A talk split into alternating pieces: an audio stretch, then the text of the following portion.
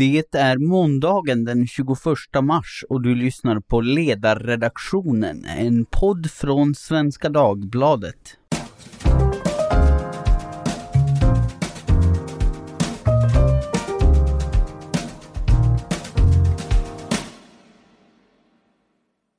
Välkomna! Jag heter Tove Livendal och idag ska vi tala om integration, hur det går till i praktiken. Med mig som gäst idag har jag Kirsten Åkerman, entreprenör, också känd för SVDs läsare som kolumnist på ledarsidan och bland mycket annat också projektledare för någonting som heter Korta vägen på Gotland, där vi faktiskt just nu befinner oss. Välkommen till podden! Tack så jättemycket! Korta vägen heter projektet. Kan du berätta vad det är för någonting? Ja, eh, det är ett, eh, egentligen en metod, Korta vägen, eh, och den handlar om att ta vara på personer med akademisk bakgrund som kommer till Sverige med sin utbildning och sin arbetslivserfarenhet och eh, närma dem arbetsmarknaden egentligen så fort som möjligt. Det är det som är idén med, det, med den korta vägen. Ibland vet vi att det kan bli en ganska lång väg för personer som, som kommer hit.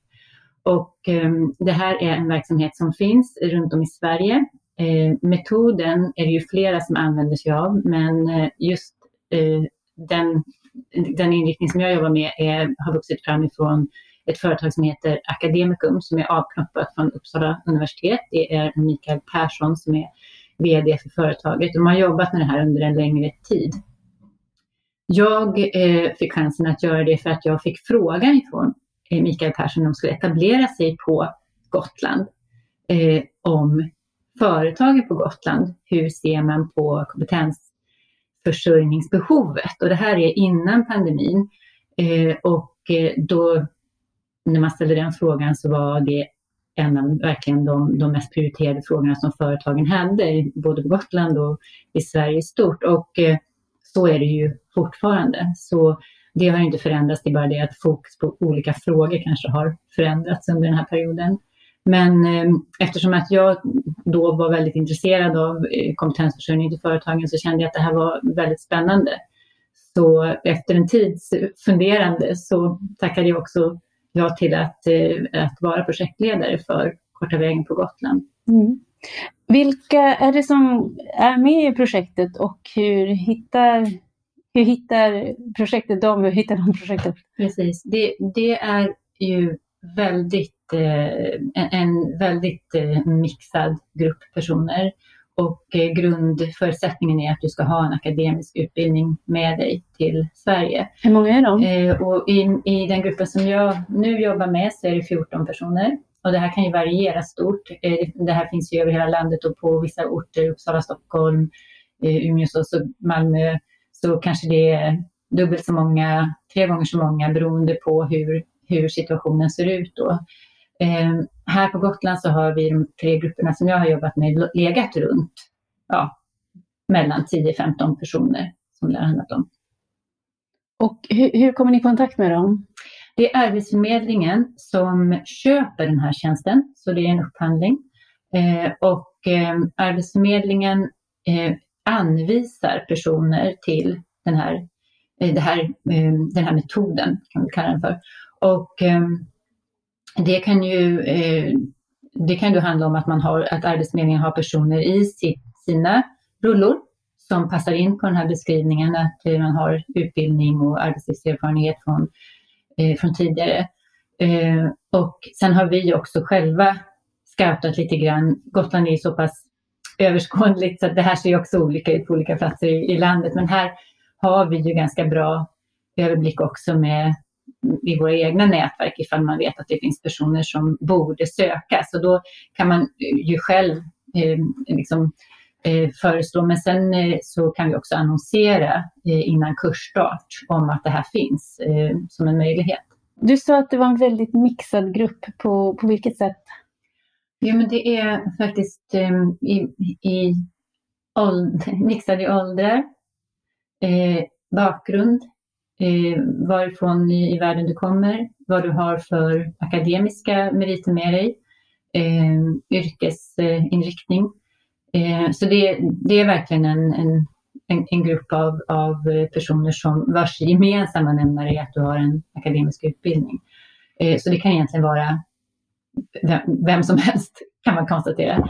Eh, och det har det väl också varit väldigt olika personer i de här grupperna. Den, den gruppen som vi jobbar med idag är, är det personer från Syrien, från Uganda, ifrån Palestina, ifrån eh, eh Jordanien, eh, Bangladesh, eh, Afghanistan. Ja, det, det, är en, en mix helt mm. enkelt av geografiskt. Men sen så, som kanske är mer intressant i det här sammanhanget, det är ju då vilken profession som man kan tänka sig att de eh, vill fortsätta med i livet. Och eh, det handlar ju jättemycket om det att, att det kommer människor hit till Sverige som um, har med sig en massa erfarenheter, kunskaper um, och um, som uh, är deras livsval, som de har satsat på och investerat i tillbaks i, i sitt liv. Och, och liksom vikten av att få komma tillbaks till att vara den person som du faktiskt har valt att vara liksom under din, eh, livet innan du lämnar kanske ditt hemland om det handlar om det. Um, så um, där, där är det ju, finns det en sån stark um, man säger, det är stark kraft från båda håll, att du själv som individ får göra det som du har valt och växa i det, hamna rätt. Men sen är det ju från samhällets sida såklart en jättestor vinst att personer kommer in och kommer till rätta, eh, kompetensförsörjer mm. vår, vårt samhälle. Och det ju, så det går ju verkligen åt båda håll. Just det, men, och där är det ju väl, det, jag tänker att i en del yrken så är det väl också tiden en kritisk faktor, därför att jag har förstått att ja, men, är du till exempel en opererande läkare så är mycket av kunskapen sitter i händerna och den kan, den kan bli, bli för gammal. Mm. Du måste hålla igång den. Jag tror att det gäller jag, är så, jag vill verkligen understryka, jag är väldigt ny i det här. Jag har gjort tre sådana här terminer och är ju liksom nybörjare, har jättemycket att lära mig fortfarande och det är väldigt mycket en lärande process att förstå hur man gör det här på bästa sätt och mest effektivt för de personer man möter. Eh, och ehm, jag måste säga att det är verkligen som du säger att det är både utbildning och yrkeserfarenhet är ju färskvara. Och jag menar, om vi bara tittar på de senaste två åren så har allting ställts upp och ner vad det gäller hur man arbetar. Bara en sån sak är ju annorlunda. Så mycket tid i de här kurserna vi har haft nu har ju handlat om att bli eh, fungerande på en arbetsmarknad som är så digitaliserad som den är. Många av de här personerna som, som ja men kanske jag lämnade Syrien kan vi ta som exempel, har ju inte jobbat digitalt men är liksom kompetenta på så många andra sätt. Då har, man, då har ju det varit ett fokus att bara liksom få tag i de här verktygen och kunna jobba på ett bra sätt. Eh, och det är väl därför också hela idén med korta vägen är ju att det ska gå snabbt. För egentligen finns det ju ingen, inget försvar eller anledning överhuvudtaget till att det ska gå långsamt att komma in på vår arbetsmarknad. Det, det är någon sorts, det, det, är ju egentligen någonting som har blivit fel. För att såklart så ska du ju eh, ska du vara kvar här så kommer du behöva jobba och det är klart du ska jobba med det du har utbildat dig till. Det finns, allt annat är ju egentligen väldigt eh, ja, kontraproduktivt på något vis. Mm. Vi ska komma tillbaka till och titta mer på kanske vad det kan finnas för hinder i den delen. Men om vi bara också för, så att vi först tydliga, vad är metoden? Alltså, mm. hur, hur, ser den korta vägen-metoden ut? Metoden handlar mycket om att eh, börja med att titta på vad personen har med sig för någonting när det gäller dokumentation av utbildning och eh, arbetslivserfarenhet. Och det kan ju vara både examina men också utlåtande från arbetsgivare och, och, och, så. Och samla det och översätta det till, till svenska betyg. Och det, ju, det kan man ju göra eh, eh, för att få dem att överensstämma med, med eh, utbildningar som vi har eh, i Sverige. Men det går också eh, att titta på till exempel när det gäller legitimationsyrken som är väldigt vanligt i Sverige att man, att man har inom, ja det är ju läkare, tandläkare, psykologer, lärare och så vidare. Då är det ju ett väldigt bestämd eh, eh, liksom innehåll som, som ska ingå där för att du ska kunna få din legitimation och då är det egentligen så att man, man förbereder för att ta kunskapstest att vi jobbar med att förbereda personerna för att ta de tester som behövs för att kunna få den här legitimationen. Och för att kunna göra det är det ofta så att du behöver komma upp på en viss språknivå också för att kunna ta de här testerna. Så då jobbar man ju även med språk och olika snabbspår för att liksom lära sig eh, i, just i sin yrkes eller branschkategori då för att liksom kunna ta de här testerna. Och eh, det, eh, det är ju liksom grundläggande att du har en, eh, en dokumentation på vad du hade med dig för någonting. Och ibland är det där ganska svårt därför att du kanske också har fått lämna eh, handlingar. Det är ju många personer har kommit i sina situationer då, då man helt enkelt inte har papper med sig. Och då handlar det ju mycket om att försöka göra en struktur för att ändå se vad är det för någonting som, som man kan bygga på och så.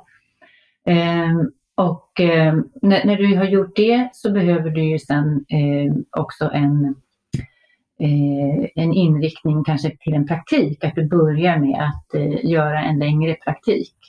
Eh, för att eh, vara i den eh, arbetsmiljö, träffa personer som jobbar i din, i din yrkeskategori. Det hjälper dig också med språket såklart, eh, att jobba med, kanske jobba på ditt fackspråk mer känna dig tryggare i, den, i, i det avseendet. Och sen, eh, sen så kan det ju också handla om att börja ta kontakter med arbetsgivare där det skulle kunna handla om anställning. Och mycket då är ju en, en fråga om att se vad, vad finns det för behov på den orten, på den platsen man är. Vem skulle man kunna matcha eh, den här personen mot?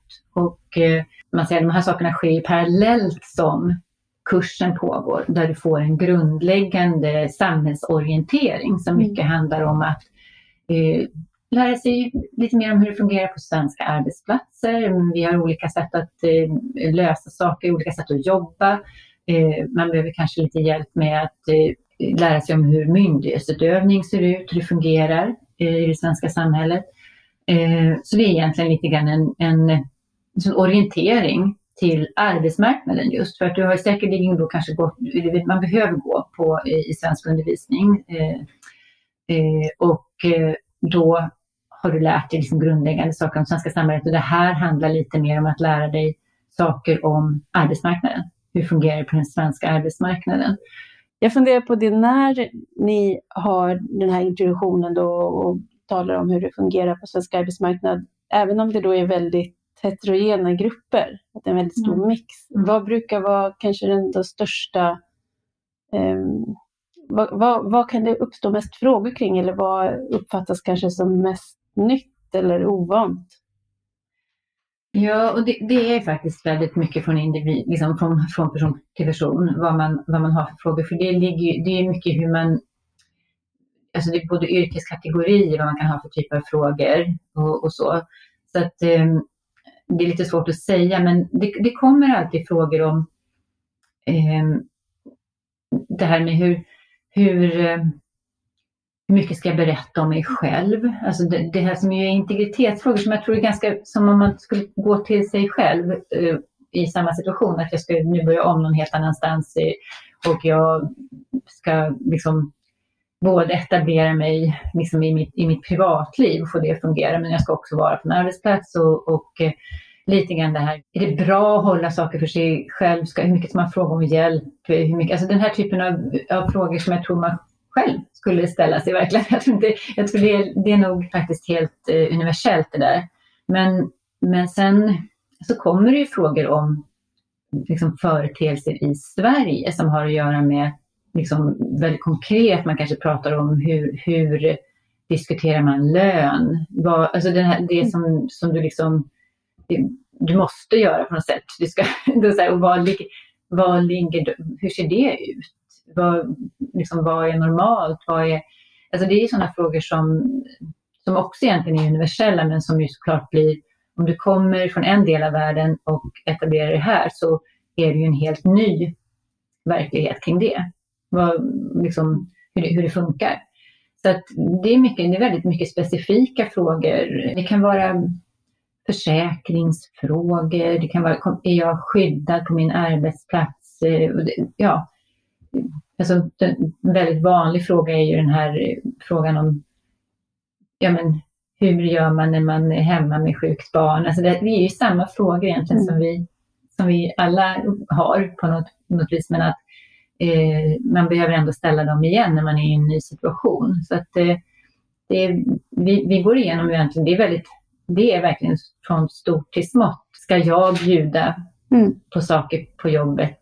Borde jag göra liksom, trivseln på jobbet? Vad är min roll eh, liksom i sådana sammanhang? Och, så. och sen så är det ju det här väldigt konkreta som har att göra med att hur söker jag jobb? Hur, vad behöver jag ha med när jag ansöker? Vad jag ska säga om mig själv? Hur skriver jag ett sånt här eh, personligt brev? Vad vill man veta?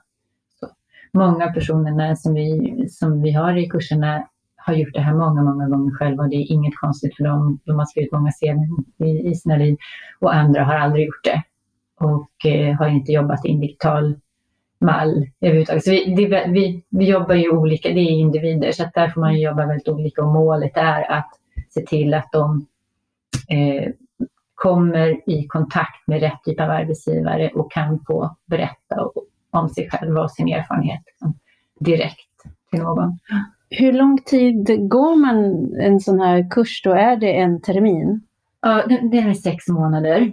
Mm. Eh, och de löper inte riktigt så som eh, höst och vårtermin utan de, de sträcker sig över eh, sommaren också. Man jobbar, det är heltidskurser så man är, liksom, man är heltidsarbetande liksom, i, den här, i den här utbildningen. Och då är det ju ibland på distans, ibland är det föreläsningsform, ibland är det arbetsplatsbesök och det är mycket självstudier också. Och, för att det är också ett jättestort värde att träffas eh, i gruppen. För att det, det, är ju också, för det första så blir man ett nätverk tillsammans, personer som befinner sig på samma plats i tillvaron, försöker liksom hitta jobb och, och etablera sig eh, på arbetsmarknaden. Så de har mycket att prata med varandra om. Eh, och sen så tror jag att det är skönt att bryta också monotonin med att sitta hemma eh, och eh, kämpa med, med eh, jobbansökningar och så. Eh, speciellt under pandemin så tror jag att många har varit liksom väldigt hänvisade till det och kanske svårt när man har barn och sådär, att liksom komma till skott och göra saker. Så det här att vi har varit ute och, och träffats och gjort undervisning ute tror jag har haft, haft en god, god effekt. Um, vi kör också då att eh, kursdeltagarna eh, gör eh, guidningar, eh, föreläsningar, pratar om sina yrkeserfarenheter, pratar på teman som har att göra med deras bakgrund och utbildning och sådär för gruppen. Så man liksom övar tillsammans på det också. Nu är vi i ett läge där vi kan förvänta oss att eh, vi får en ganska stor flyktingvåg ifrån Ukraina. Mm. Um, vad, och, och, vi har ju erfarenhet från tidigare, jag tänker på Balkanåren. Och de har vi ju efter ganska lång tid utvärderat och det man sa då när man tittade retrospektivt var att jo, men eh, det har gått på det hela ganska bra. Det har gått enklare för dem, ju yngre man var när man kom, mm. eh, desto enklare har det gått. Och eh, för barn eh, till de som kom så har det gått väldigt bra. Men den stora lärdomen var att det tog för lång tid innan de vuxna kom i jobb. Mm. Det, var liksom, det, det var en stor hämsko på utvecklingen för deras del. Och tänker, nu, så det har vi lärt oss, vi har ju med oss det och nu är ju det här arbetet ett sätt att dra någon lärdom av det. Och säga. Så, så nu undrar jag, inför den våg som vi kan förvänta oss nu och som också har börjat komma eh, utan vetskap hur långt det här blir och om det, om det kanske blir permanent och mm. inte tillfälligt. Vad, vad blir det viktigaste där, tänker du? Ja, jag tänker att det här är ju första gången som det här massflyktsdirektivet används eh, och eh, jag tycker att det är väldigt positivt att eh, det är skrivet på ett sätt som gör att människor får jobba från första dagen. Eh, för att det är ju också någonting som, eh, nu, nu är vi på Gotland och det finns behov av arbetskraft. Och jag tänker att det är viktigt att eh, också se att de här personerna som kommer nu kommer behöva jobba. Och att kanske samordna sig kring det runt om i landet kring hur, hur löser vi det här med var man ska jobba någonstans? Hur, hur liksom ser man till att det här fungerar på, på, ett, eh, på ett bra sätt?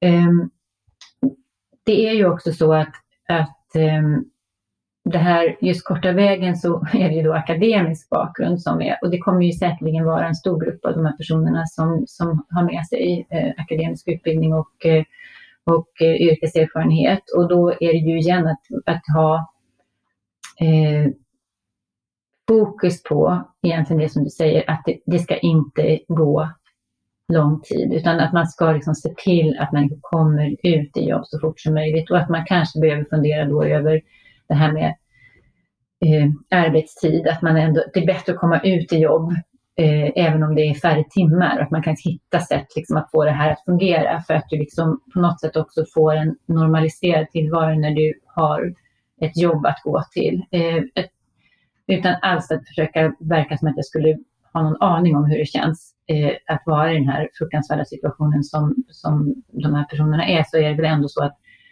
att göra saker som på något sätt normaliserar tillvaron och där du tar kontroll över din egen situation som med ett jobb till exempel och just någonting du tidigare har jobbat med måste ju ändå vara eh, ett, liksom, eh, ett bättre sätt än att hamna liksom, i en situation där du, där du bara ska liksom, vara i ett vakuum. Så att eh, det man får göra det man, det man tidigare har gjort eh, tror jag ändå är en väldigt viktig, viktig ingrediens i att liksom lyckas med det här. Mm. Om vi tittar på de, det är ändå, jag vet inte hur många gånger det har fastslagits att Sverige har höga trösklar till arbetsmarknaden. Det är ett sånt där uttryck som kommer igen. Och de har ju du, vet jag, i olika kapaciteter, du har jobbat mycket med, med företag och eh, företagare och eh, diskuterat de här frågorna. Vilka trösklar är det som är svårast att forcera idag? Nej, men jag tror att det, det här med vad som är tröskeln för eh, att anställa är nog också på något sätt väldigt individuellt för olika företag. Liksom hur stort företag det är, vad det är, vad det är för typ av eh, kompetens du behöver och sådär. Så att det är ju egentligen så är de klassiska frågorna om att kunna få prova alltså prov, att du har chansen att liksom känna efter om du passar med, med den, den nyanställda. Och det är, ju, det är ju viktigt för företagen. Att ditt åtagande, det är det ju alltid när man anställer någon, ett, ett stort åtagande för, och, som, som också är dyrt. Så, så liksom det är verkligen en kombination av att, att göra en, en, en stor satsning när man anställer någon och att eh, samtidigt vilja lösa ett problem. För i alla rekryteringar handlar ju om att du liksom ska bygga företaget eller utveckla företaget eller så. Så det är ju, jag tror att trösklarna ligger ju mycket i, det är både, lö, det är både löne, eh, som frågan, vad, vad som är rim, liksom en rimlig lön när någon är helt ny. Eh, och sen är det ju frågan om huruvida du kan ändra dig. Här, det, är ju liksom, det är ju en fråga som jag tror många liksom känner är, i små och medelstora företag som det handlar om här på Gotland så är det ju verkligen en fråga om att eh, det kan bli jättebra eller det kan också bli en katastrof om du får in liksom fel person. Så att här tror jag att det, det är ju det här att man ska känna sig trygg i att, att eh, prova. Mm. Det är väl en liksom, diskussion för den svenska arbetsmarknaden som, som vi liksom har har brottats med eh, egentligen i all tid. På något sätt. Hur, hur får man det här att fungera? Hur attraherar man eh, rätt personer och eh, får det att fungera med de kanske väldigt små marginaler som det handlar om? Liksom, att, att våga, våga sig på att ta in dem. Mm. Så, eh, men jag tror att när man frågar företagen eh, så, är, så är det ju verkligen så att, man, att det finns stort intresse av att ta in personer med erfarenhet från andra, andra liksom, både egentligen att man har jobbat, man kanske är erfaren i branschen men man har jobbat någon annanstans i världen. Det är ju en stor tillgång och kan det vara, språket kan vara en stor tillgång.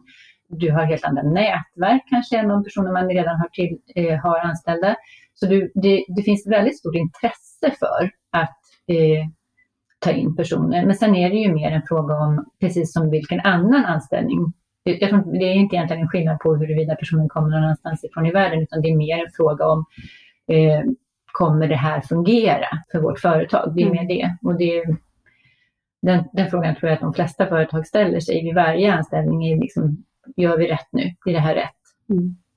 Jag funderar på om man tänker sig från eh, den arbetssökandes håll, eh, så ja, precis som eh, vem som helst som söker jobb så kan det ju bli där att man frågar och frågar och får många mm. nej och känner att det nästan är ja, det, motivationen kan svikta. Mm. Hur, gör ni, hur gör ni för att jobba? Jag gissar att ni har, det är väldigt olika där också, mm. men hur gör man för att eh, stärka motivationen när det och, och, och också tänker jag i de lägen där ni ser att här är lång väg kvar att gå, mm. kanske språkmässigt. Mm. Ja, men och så är det verkligen och det är många av dem i kursen som, har, som söker otroligt ambitiöst hela tiden söker tjänster och får nej. Och det, man, det, det, det många gånger handlar om för oss är ju att säga att det är lite, lite det här som i relationer, det är inte du, det är jag. Det, här, det är arbetsmarknaden, att det är eh, då, då söker de en tjänst där det, där det är många sökande eller där det är Eh, krav som ställs upp som, som de inte uppfyller. Och det kan bland annat vara språk, men jag tror det är inte heller alltid bara språk, utan det är andra saker som vi var inne på tidigare, som digitala kunskaper eller kunskaper om eh, Eh, system eller program eller så. Så det kan vara andra saker än, än man kanske tänker sig först. Och det, det jag brukar göra är att försöka titta på det. Är det faktiskt så att den här tjänsten, du har inte, du har inte blivit bortsållad för att du är du, eh, utan för att du inte hade med dig de här sakerna som de faktiskt efterfrågar och det hade andra.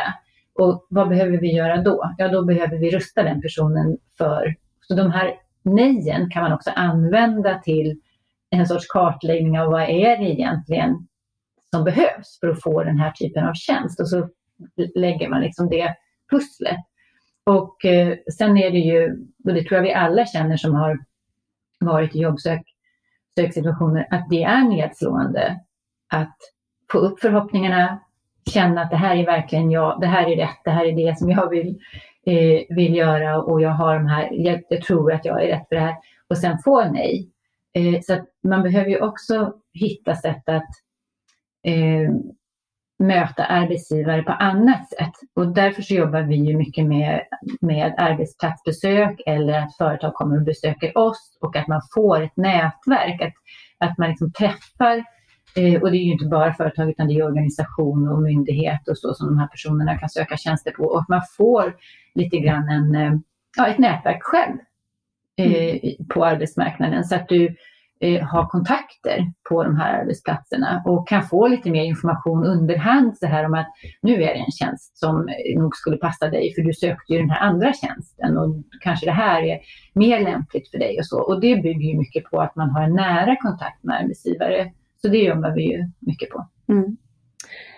En sista fråga är eh, till lyssnarna då av den här podden. Om man känner att jag skulle vilja hjälpa till på något sätt med det här, att korta vägen, men hur gör man? Mm. Vad, vad, vad, kan man göra? Ja, det, det beror ju då på vem du är lite grann.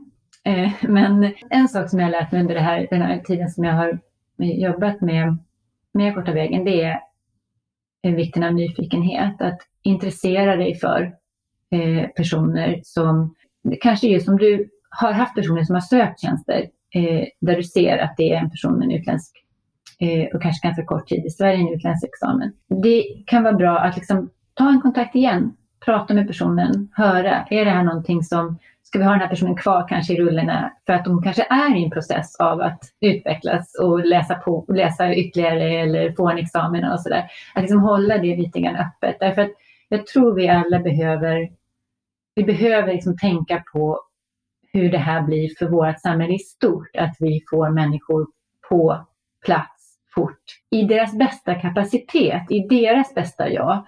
På samma sätt som man själv vill få vara i sin, nu är man inte det varje dag, men vi hoppas ju på något sätt ändå att de flesta dagar gör jag rätt saker och det som jag har eh, investerat i mitt liv och jag har liksom tagit mig till den här positionen och nu tycker jag ändå att jag gör rätt saker. Det vill man ju för andra också, att det, för det stärker, det stärker oss allihop. Det är inte någon välgörenhet liksom ur, ur det perspektivet, utan det är att få personer att vara sitt bästa jag. Det tycker jag vi ska sträva efter som samhälle.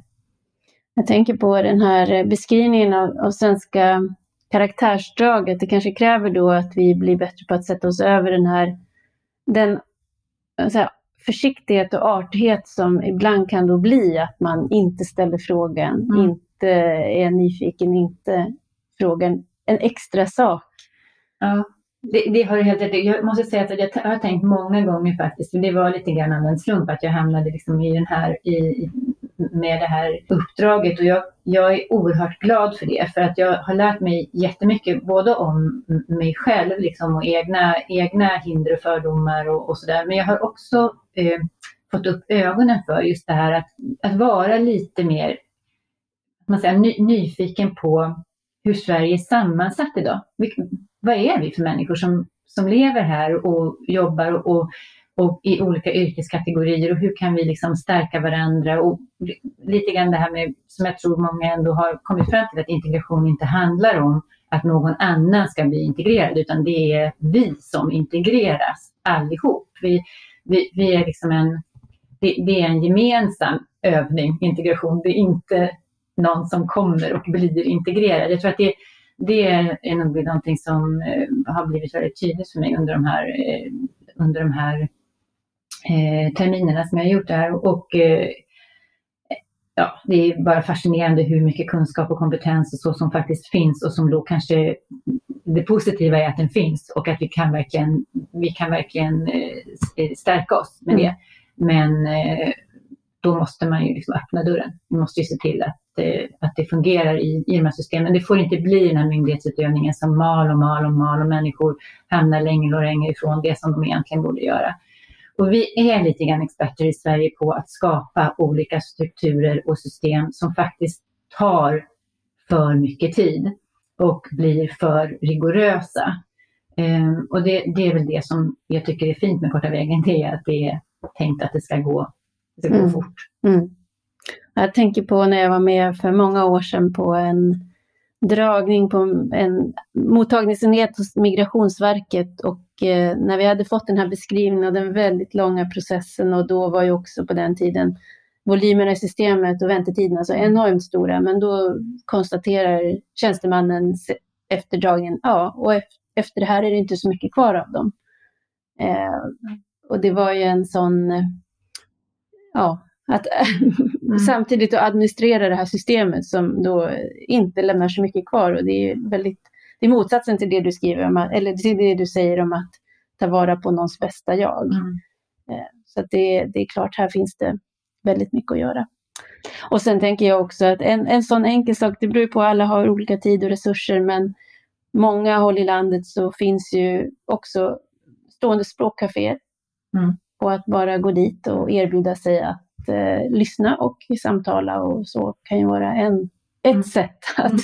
Korta, korta vägarna. Absolut. Stort tack Kirsten för att du ville gästa podden och tack också får jag säga för det fantastiska arbete som du lägger ner. Tack, det var jättekul att få prata om det här. Tack till er som har lyssnat. Hoppas att ni har hittat inspiration i detta att fortsätta bygga samhället har ni frågor eller funderingar eller tips på annat, gärna uppbygglig verksamhet som vi kan diskutera och lära oss av så hör ni av er som vanligt till ledarsidan svd.se. Producent idag var Jesper Sandström.